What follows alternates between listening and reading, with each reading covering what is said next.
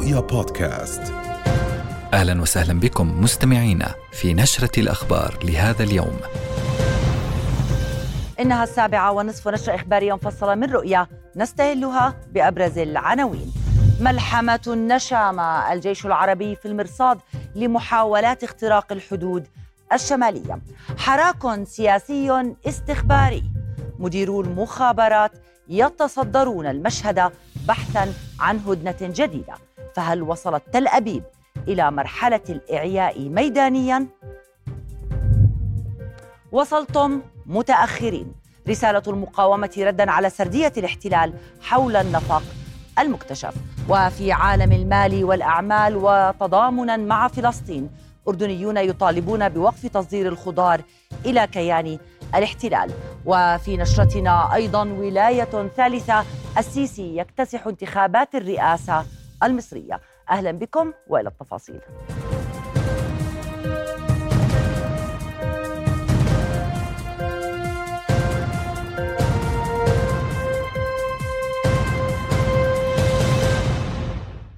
اشتباكات مسلحة ومواجهة عسكرية مفتوحة تخوضها القوات المسلحة الأردنية الجيش العربي منذ فجر اليوم مع مجموعات تحاول تهريب مخدرات وأسلحة عبر الحدود الشمالية. وأكد مصدر عسكري مسؤول لرؤيا قبل قليل أن الاشتباكات ما زالت دائرة حتى اللحظة لافتا إلى اعتقال تسعة مهربين من ضمن تلك المجموعات وعطب آلية تحمل متفجرات.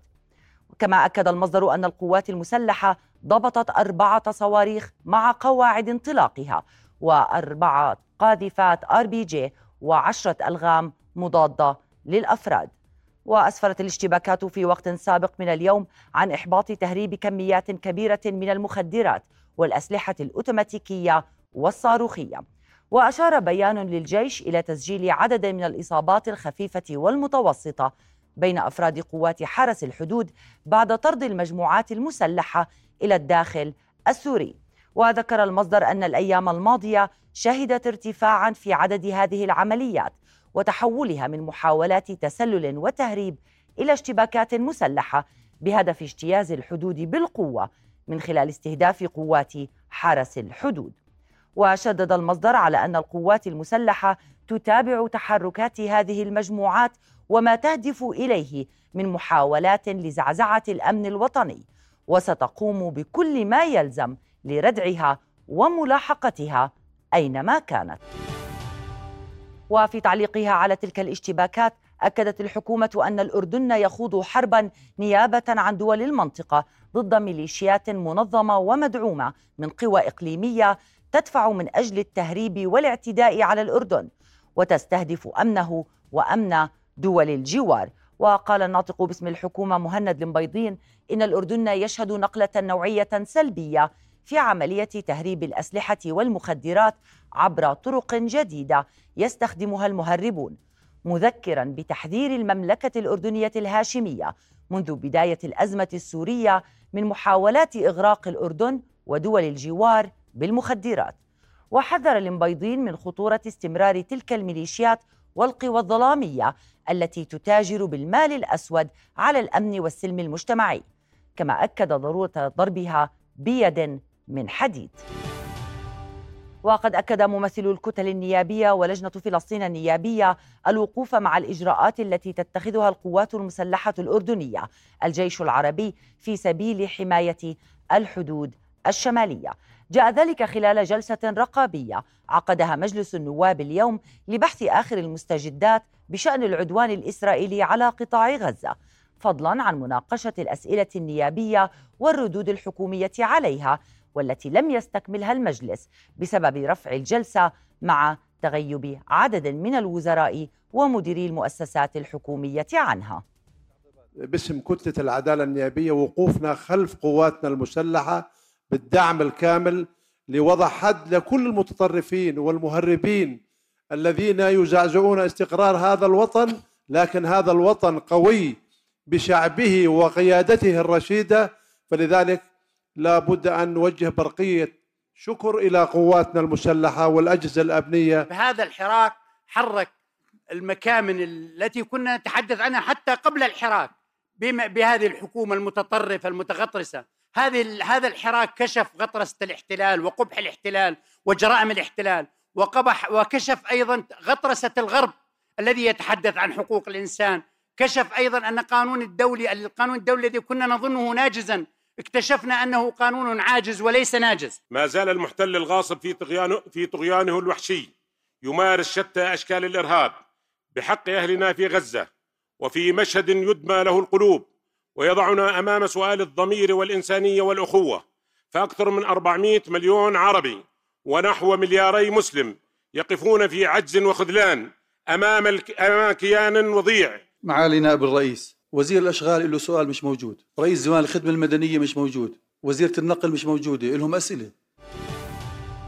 حرب الاحتلال الإسرائيلي على غزة في يومها الثالث والسبعين ترفع حصيلة الشهداء إلى 19453 والإصابات إلى 52286 ووفقا للمتحدث باسم وزارة الصحة في غزة الدكتور أشرف القدرة فقد ارتكبت قوات الاحتلال الإسرائيلي خلال الساعات الماضية 16 مجزرة وجريمة إبادة جماعية في كافة مناطق القطاع وصولا إلى قصف مجمع ناصر الطبي واستشهاد الطفلة دنيا أبو محسن وهي على سرير العلاج. وأكد القدر أن الاحتلال يواصل اعتقال 93 كادرا صحيا. على رأسهم مدير مستشفيات شمال غزة الدكتور محمد أبو سلمية والدكتور أحمد الكحلوت والدكتور أحمد مهنا في ظروف غير إنسانية واستجواب تحت التعذيب والتجويع والبرد القارص. مع عودة تدريجية للاتصالات والإنترنت في قطاع غزة بعد انقطاع تام دام أربعة أيام واصل جيش الاحتلال الإسرائيلي القصف الجوي والمدفعي المكثف على مناطق عدة من بينها خان يونس وجباليا ومخيم النصيرات مستهدفا المستشفيات ومنازل المدنيين والنازحين وسط تدهور الأوضاع الإنسانية بشكل كارثي وغياب أدنى مقومات الحياة. وجدد طيران الاحتلال قصفه لمجمع الشفاء الطبي موقعا أكثر من 30 شهيدا مع مواصلة إطلاق النار على مدخل المجمع. كما واصلت قوات الاحتلال حصار تجمع لمدارس تؤوي عددا كبيرا من النازحين في حي الرمال ومستشفى العودة بعد اعتقال مديره أحمد مهنا. وفي وقت سابق شن الاحتلال قصفا مدفعيا كثيفا على منازل في أحياء الشجاعية والتفاح والدرج في مدينة غزة ما أدى إلى ارتقاء أكثر من خمسين شهيدا. وفي سلسلة المجازر المتواصلة منذ يوم أمس في جباليا أوقع الاحتلال أكثر من مئة شهيد جلهم أطفال إضافة إلى عشرات الجرحى والمفقودين تحت الأنقاض.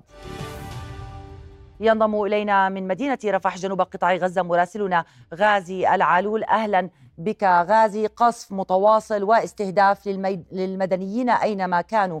ما الجديد حتى الساعة؟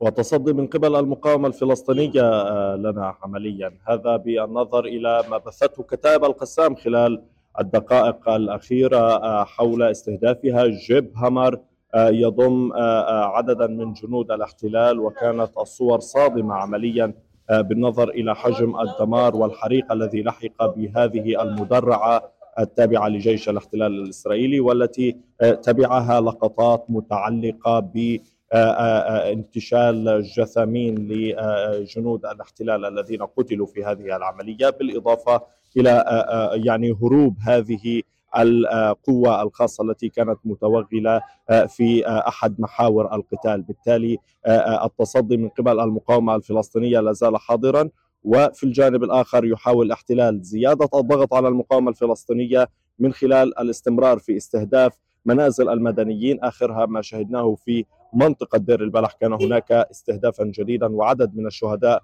وصل إلى مستشفى شهداء الأقصى. كل هذه التطورات الميدانية بطبيعة الحال تأتي في وقت يجتمع فيه الآن رئيس الموساد ومدير أو رئيس السي آي الأمريكي بالإضافة مع رئيس الوزراء القطري لبحث الصفقة جديدة وهو الأمر الذي يتطلع إليه الجميع بأمل كبير نحو آه، النجاح آه، لإيقاف آه، شلال الدم في قطاع غزة هنا على وجه التحديد، أيضا بالإضافة أو بالتزامن مع هذا الاجتماع الذي يقام في وارسو في بولندا بالتحديد هناك اجتماع آخر يضم وزراء حرب الاحتلال وكذلك رئيس أو مدير أو عفوا وزير الدفاع الأمريكي الذي وصل إلى تل أبيب حديثا ويجتمع الآن لبحث الخطط فيما بعد حماس كما يقول في تصريحاته. وبالتالي عمليا هذه المفاوضات بدأت تأخذ منحنى جدي في الذهاب نحو صفقة تبادل جديدة ولكن تبقى النقاط الخلافية متعلقة بشروط المقاومة الفلسطينية التي تشترط وقفا كاملا لإطلاق النار. في المقابل الاحتلال يريد إبرام صفقات جديدة ضمن هدى إنسانية يشملها إدخال للمساعدات إلى قطاع غزة وهو الأمر الذي بطبيعة الحال ترفضه المقاومة الفلسطينية. وأيضا الشارع الغزي هنا الذي يريد إنهاء هذه الحرب بأي شكل من الأشكال لا يريدون تكرار تجربة الهدنة الإنسانية الماضية التي وصلت إلى أسبوع من الزمن وبعدها كان هناك عودة للقتال وللموت الذي استمر ورفع عدد الشهداء وفق آخر الأحصائيات إلى 19458 شهيدا بالإضافة إلى أكثر من 52 ألف جريح غالبيتهم بإصابات خطيرة وأيضا منهم الكثيرين مصابون بالبتر أو يعني بتر في الأطراف السفلية أو العلوية نعم شكرا لك غازي العلول. كنت معنا من مدينة رفح جنوب قطاع غزة.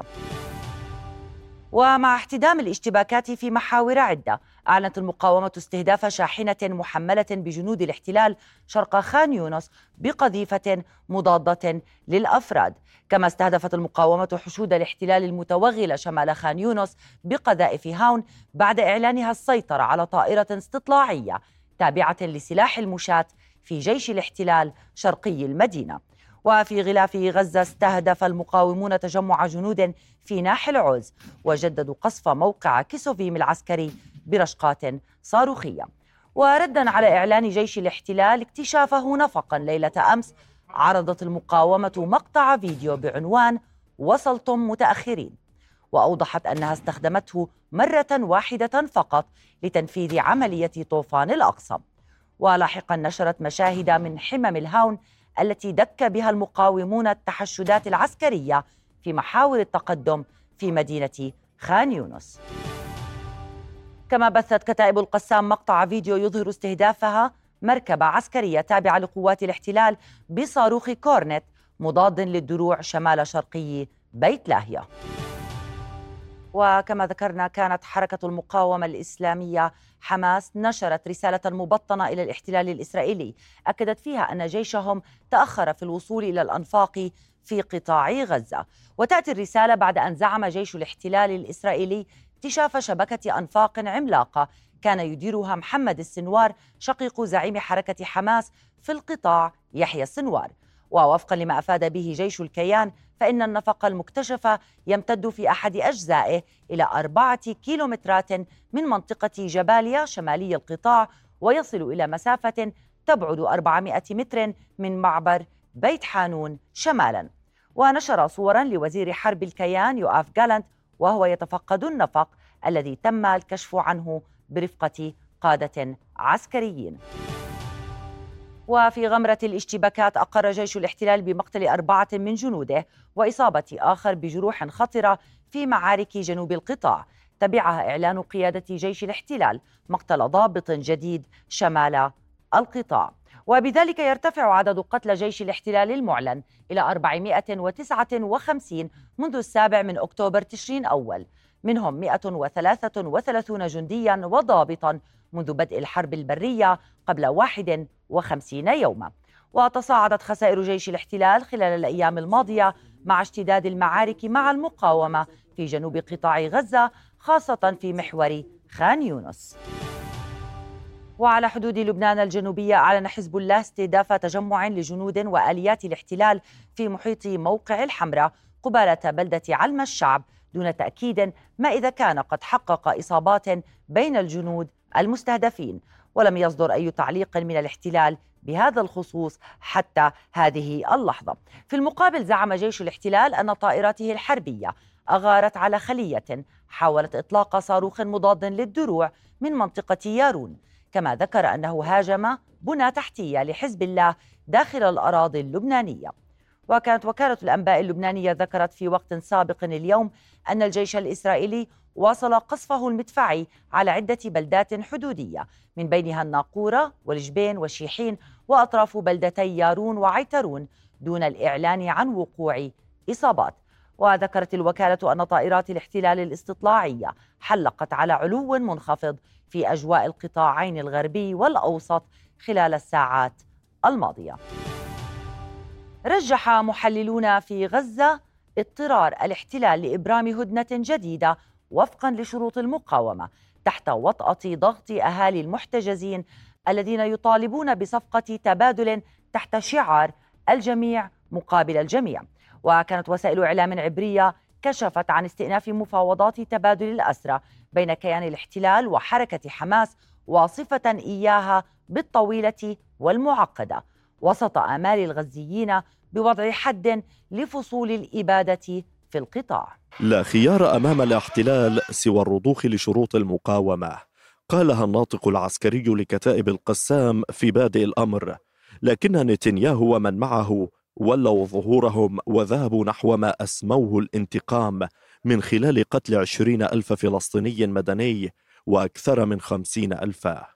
وبعد 73 يوما من الفشل في تحقيق أهدافهم يبدو أن الاحتلال اقتنع بالخيار السياسي لا العسكري ففوض رئيس الموساد بإيجاد حل سريع نتيجة الضغوطات الداخلية. يعني لا شك أن هذه الحرب ستنتهي بمفاوضات وستنتهي بعملية سياسية في ولكن هناك تباعد في وجهات النظر. كيان الاحتلال يريد هدنة إنسانية لاستعادة الأسرى في حين تريد المقاومة الفلسطينية وقف لإطلاق النار قبل أي هدنة إنسانية. وهذا أمر مفهوم ومشروط خاصة وأن المقاومة جربت ذلك. لكن المهم جدا في كل ذلك هو آه، بلورة موقف فلسطيني شامل وجامع لكل آه، مكونات الحركة الوطنية الفلسطينية. خبراء في الشأن الإسرائيلي يرون أن التحدي الأكبر بالنسبة للاحتلال هو قدرته على استيعاب ضغط أهالي الأسرى الإسرائيليين في غزة الذين يصرون على صفقة تبادل حفاظا على أرواح ذويهم. أنا باعتقادي ستكون قريبة جدا في مسألة الذهاب لعملية تفاوض مع المقاومة الفلسطينية والدليل على ذلك بأنه هناك ضغوطات حقيقية وجادة من قبل أهالي الأسرى الجنود المأسورين لدى المقاومة الفلسطينية وهذا بدوره يلقي في ظلاله لربما يعني ليس من من من من باب الصدفة وإنما اليوم آه، لربما سيبدأ آه، بشكل فعلي اعتصام لأهالي الأسرى الجنود أمام وزارة الحرب الإسرائيلية في تل أبيب. وهذا بالمناسبة يعتبر مؤشر يعني لربما سيكون فعال بشكل كبير في الأيام القادمة والساعات القادمة. في ظل الحديث عن عودة المفاوضات يستشرف الغزيون مع كل يوم جديد قرب انتهاء إبادتهم الجماعية.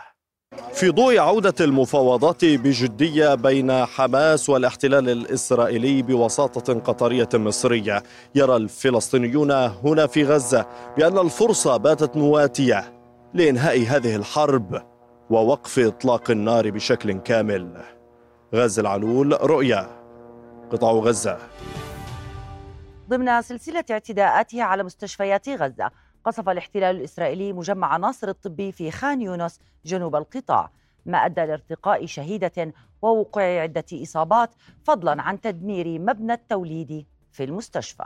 لو استطاعت هذه الدمية أن تتحدث لارتجف صوتها من الرعب الذي حل في هذه الغرفة من مجمع ناصر الطبي حيث ترتمي الأشياء العادية بين الدمار والدم الإصابات كلهم خفيفة والشهيدة الوحيدة بس الموجودة هنا في غزة يتحول المستشفى من مكان للشفاء والتعافي إلى هدف للقصف It was uh, a continuing uh, horror scenario that is going play, uh, taking place in in all hospitals. We were not expecting this is the last residue as a major hospital in the south it's the last uh, it's the last residue for uh, patients it's the last uh, sanctuary for people as a shelter this is the last major hospital in the south if this hospital will go out of service it will be massacre for all the patients more than 20,000 patients في أي مكان في العالم يمكن أن يكون هذا مقبولا لعل هذا التساؤل ما يدور في عقل هذا الرجل الذي يساعد رفاقه في جمع ما بقي من هذه الغرفة من أشياء عادية تستخدم لأغراض عادية في غزة غير العادية. شيع الفلسطينيون في مخيم الفارعة جنوب طوباس شمال الضفة الغربية. جثمين أربعة شهداء ارتقوا خلال اقتحام قوات الاحتلال للمخيم صبيحة اليوم. وأعلنت وزارة الصحة الفلسطينية استشهاد كل من راشد العايدي ويزن الخطيب والشقيقين حكمة ومحمد ملحم برصاص قوات الاحتلال التي اقتحمت المخيم وحاصرت منزلا قبل اعتقال شابين كانا بداخله.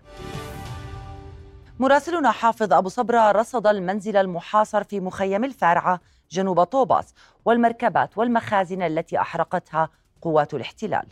عملية عسكرية خاطفة نفذتها قوة إسرائيلية خاصة هنا في مخيم الفارعة إلى الجنوب من محافظة طوباس. وبعد انسحابها مع التعزيزات التي دفع بها لإسنادها وبعد اعتقالها اثنين من الشبان بعد الاعتداء عليهما والتنكيل بهما رغم أنها لم تجد السلاح الذي جاءت لتبحث عنه وفقا لما يقول السكان في هذا المنزل.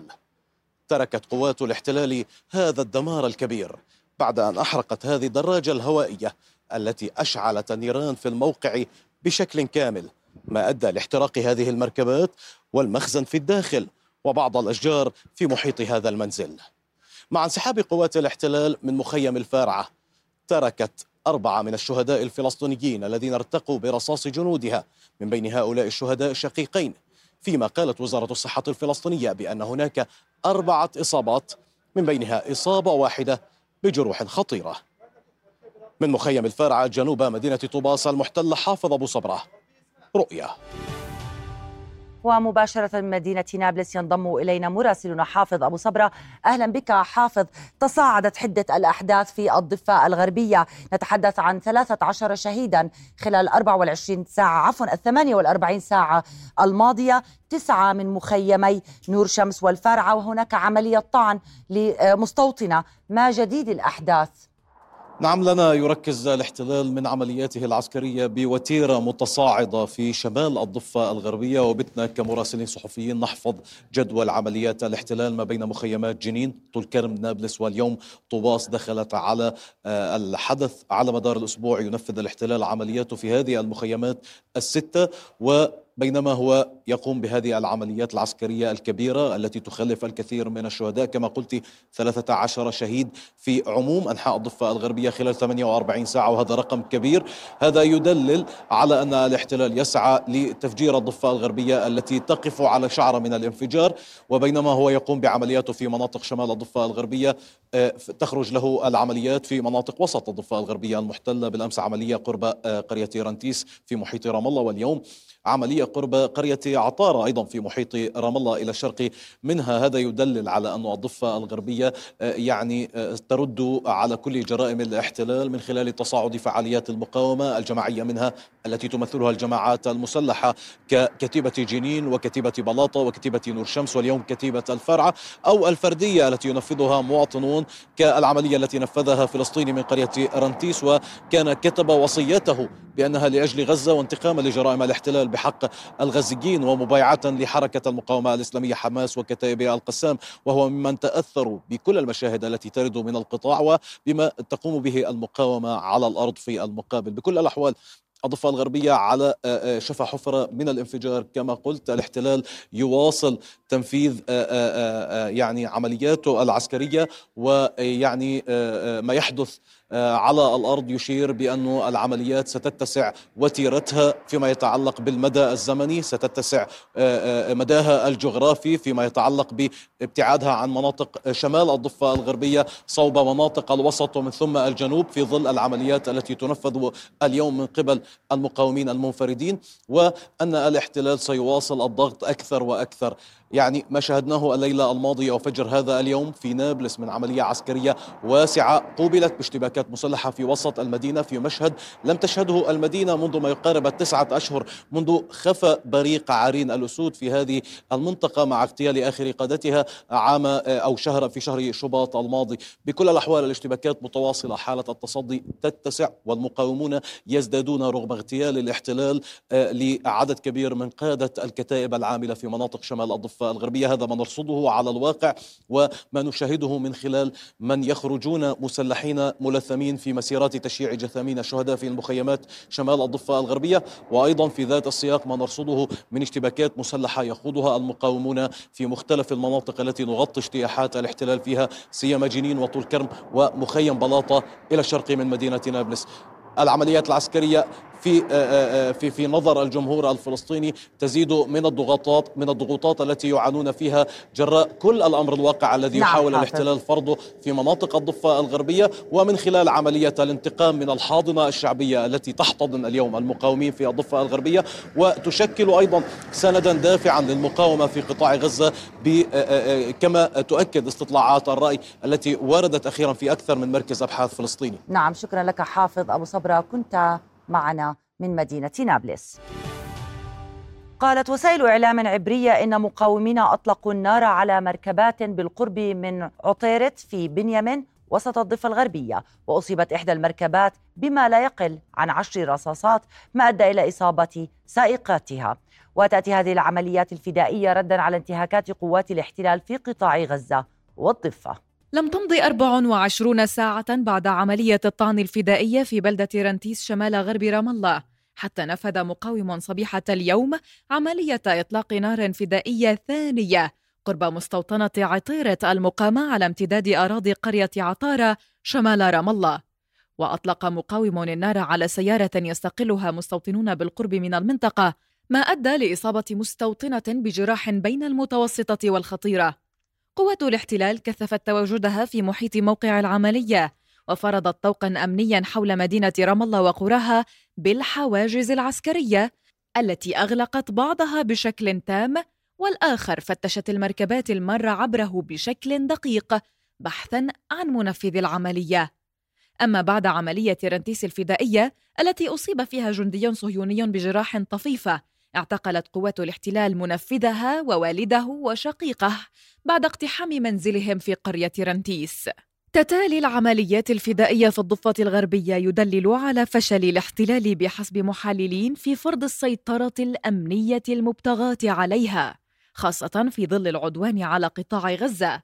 لكنها من ناحية أخرى نتاج طبيعي لعمليات الاحتلال العسكرية شبه اليومية في الضفة الغربية والإعدامات والاقتحامات والاعتقالات وما يرافقها من تنكيل بالأسرى داخل السجون.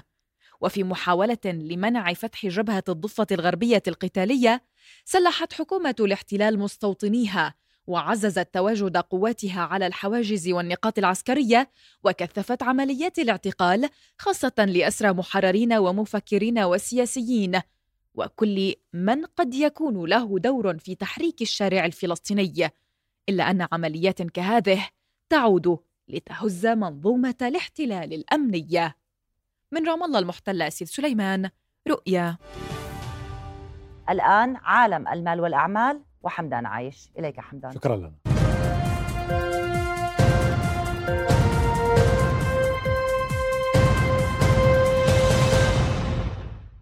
أهلا بكم إلى النشرة الاقتصادية، أكد جلالة الملك عبد الله الثاني ضرورة وضع جدول زمني لتحويل مذكرات التفاهم الموقعة إلى عقود استغلال في مجال التعدين.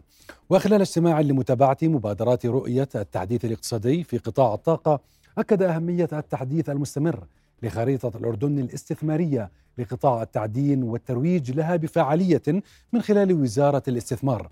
ولفت جلالة الملك إلى أهمية وجود خطة لتوظيف ألغاز المتاح لفائدة القطاعات الاقتصادية.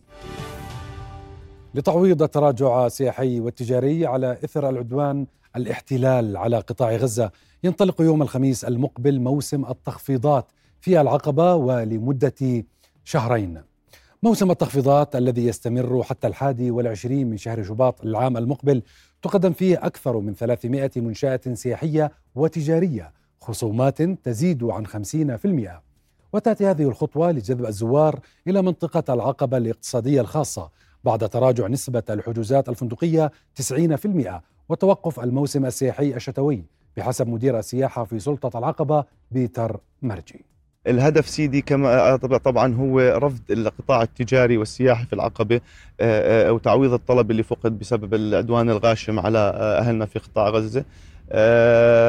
وخلق نوع طلب جديد ورفض السياحة وتعزيز السياحة الداخلية اللي هي أصلا بالأساس هي المورد الأساسي أو الأرقام الأعلى الأرقام لنا السياحية بالعقبة، حاليا في عندنا أكثر ما يقارب 300 منشأة من فنادق ومطاعم ومحال تجارية مشاركين في موسم التخفيضات بأسعار وتخفيضات حقيقية. ما يقارب قاربنا على 40 فندق من جميع الفئات فئات التصنيف إضافة إلى ما يقارب ال 140 محل تجاري ومزودين خدمات خدمات سياحية وتجارب سياحية أيضا من كافة الفئات. دعما للصمود الفلسطيني في وجه الاحتلال الذي يشن هجوما غاشما على غزة منذ أكثر من شهرين طلب الملتقى الوطني لدعم المقاومة وحماية الوطن بوقف تصدير الخضار إلى الأراضي المحتلة خلال وقفة احتجاجية. المشاركون في الوقفة أمام وزارة الزراعة دعوا الحكومة إلى وقف إصدار تصاريح تصدير المنتجات الزراعية إلى الأراضي المحتلة رافعين شعارات تندد تصدير الخضار للاحتلال عبر الأردن بينما يطبق الكيان حصاره على قطاع غزة. فيما كشفت نقابة تجار ومصدري الخضروات والفواكه أن أربعة تجار ليسوا أعضاء في النقابة ويملكون مؤسسات أردنية. قاموا بتصدير كميات من الخضروات إلى الأراضي المحتلة خلال الأيام الماضية مؤكدة النقابة رفضها لما وصفته بالتصرفات الفردية. اليوم هناك يجب أن يكون موقف حقيقي بقطع كل إمداد وشريان حياة عن هذا الكيان، يجب أن يغلق معبر الشيخ حسين بمعنى لا خضار لا فواكه ولا حتى جسر عربي من الإمارات إلى إلى الكيان. إحنا وقفتنا اليوم هي دفاعا عن الأردن دفاعا عن سيادته دفاعا عن عروبته عن هويته الوطنية.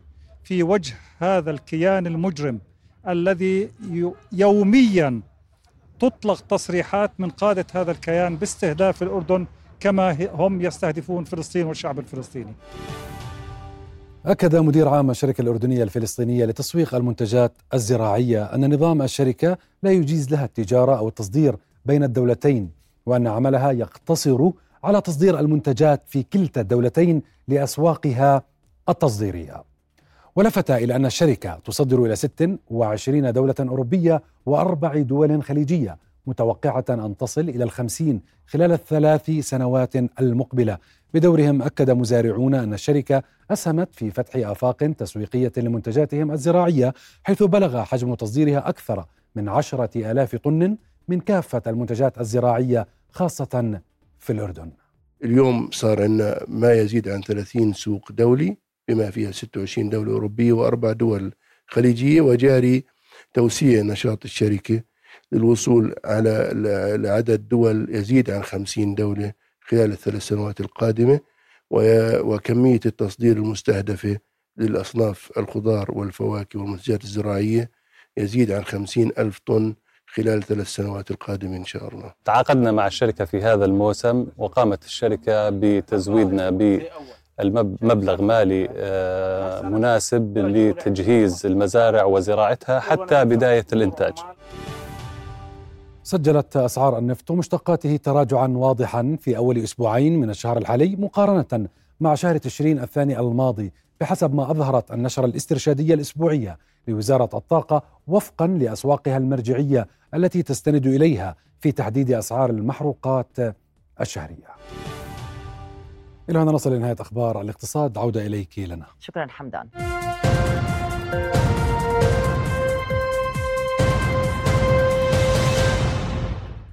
أهلا بكم. فاز الرئيس المصري عبد الفتاح السيسي في الانتخابات الرئاسية المصرية بولاية ثالثة تستمر حتى عام 2030 محققا نسبة 89 وستة أعشار في المئة من الأصوات الهيئة الوطنية للانتخابات في مصر أعلنت خلال مؤتمر صحفي اعتماد النتيجة النهائية للانتخابات الرئاسية وهي فوز عبد الفتاح السيسي بمنصب رئيس الجمهورية لمدة ست سنوات ميلادية. وحصد السيسي 39 مليونا و700 ألف صوت من إجمالي الأصوات الصحيحة التي بلغت 44 مليونا و200 ألف صوت. مجددا يصوت مجلس الأمن الدولي هذه الليلة على مشروع قرار جديد يدعو إلى وقف عاجل ودائم للأعمال العسكرية في قطاع غزة. مشروع القرار الذي طرحته دولة الإمارات يدعو أيضا إلى السماح بوصول المساعدات الإنسانية دون عوائق إلى قطاع غزة وتسهيل الدخول وتوزيع تلك المساعدات في جميع أنحاء القطاع برا وبحرا وجوا. وكانت الولايات المتحدة استخدمت قبل عشرة أيام حق النقد الفيتو ضد مشروع قرار لمجلس الأمن دعا إلى وقف إنساني فوري لإطلاق النار تشهد المسيرات المؤيدة لغزة في مدينة اسطنبول التركية مشاركة واسعة من مختلف الجنسيات العربية. ويتشارك العرب المشاركون إلى جانب الآلاف من الأتراك في ذات الأهداف التي تدعو إلى مناصرة الغزيين ورفع أصوات التنديد بجرائم الاحتلال المتواصلة منذ 73 يوما. مراسلنا في اسطنبول التقى بعض المشاركين العرب ورصد مواقفهم خلال مسيرة حاشدة نظمتها هيئة الإغاثة التركية تحت شعار نسير من أجل فلسطين. إحنا كنا قبل أسبوعين تقريبا في غزة وكنا مع النازحين. أنا كنت من مدينة غزة ونزحنا إلى مدينة خان يونس. وحسب قول الصهاينة بأن خان يونس كانت اللي هي مكان آمن. ولكن خدعونا وكان الضرب قاسي جدا علينا.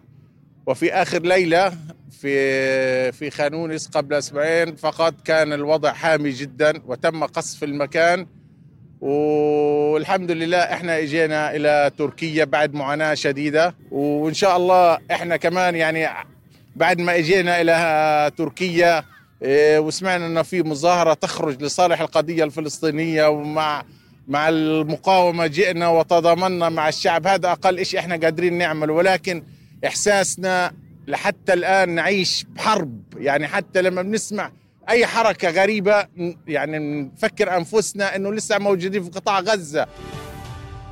وكل أسبوع تخرج تظاهرات في مختلف مدن العالم لتظهر دعمها لغزة وتضامنها مع الفلسطينيين وحقوقهم المشروعة. كما في هاتين التظاهرتين اللتين خرجتا في مدينة بوسطن الأمريكية والعاصمة الفرنسية باريس.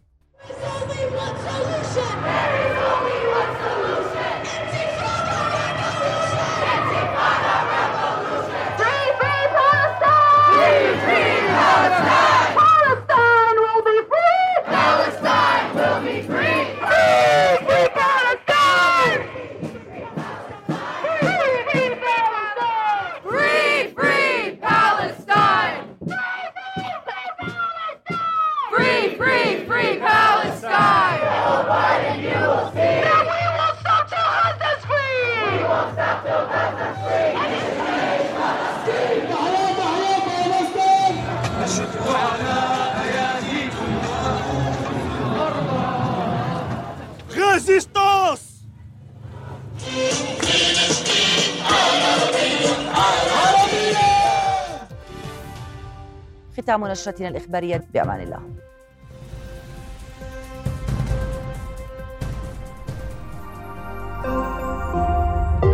رؤيا بودكاست.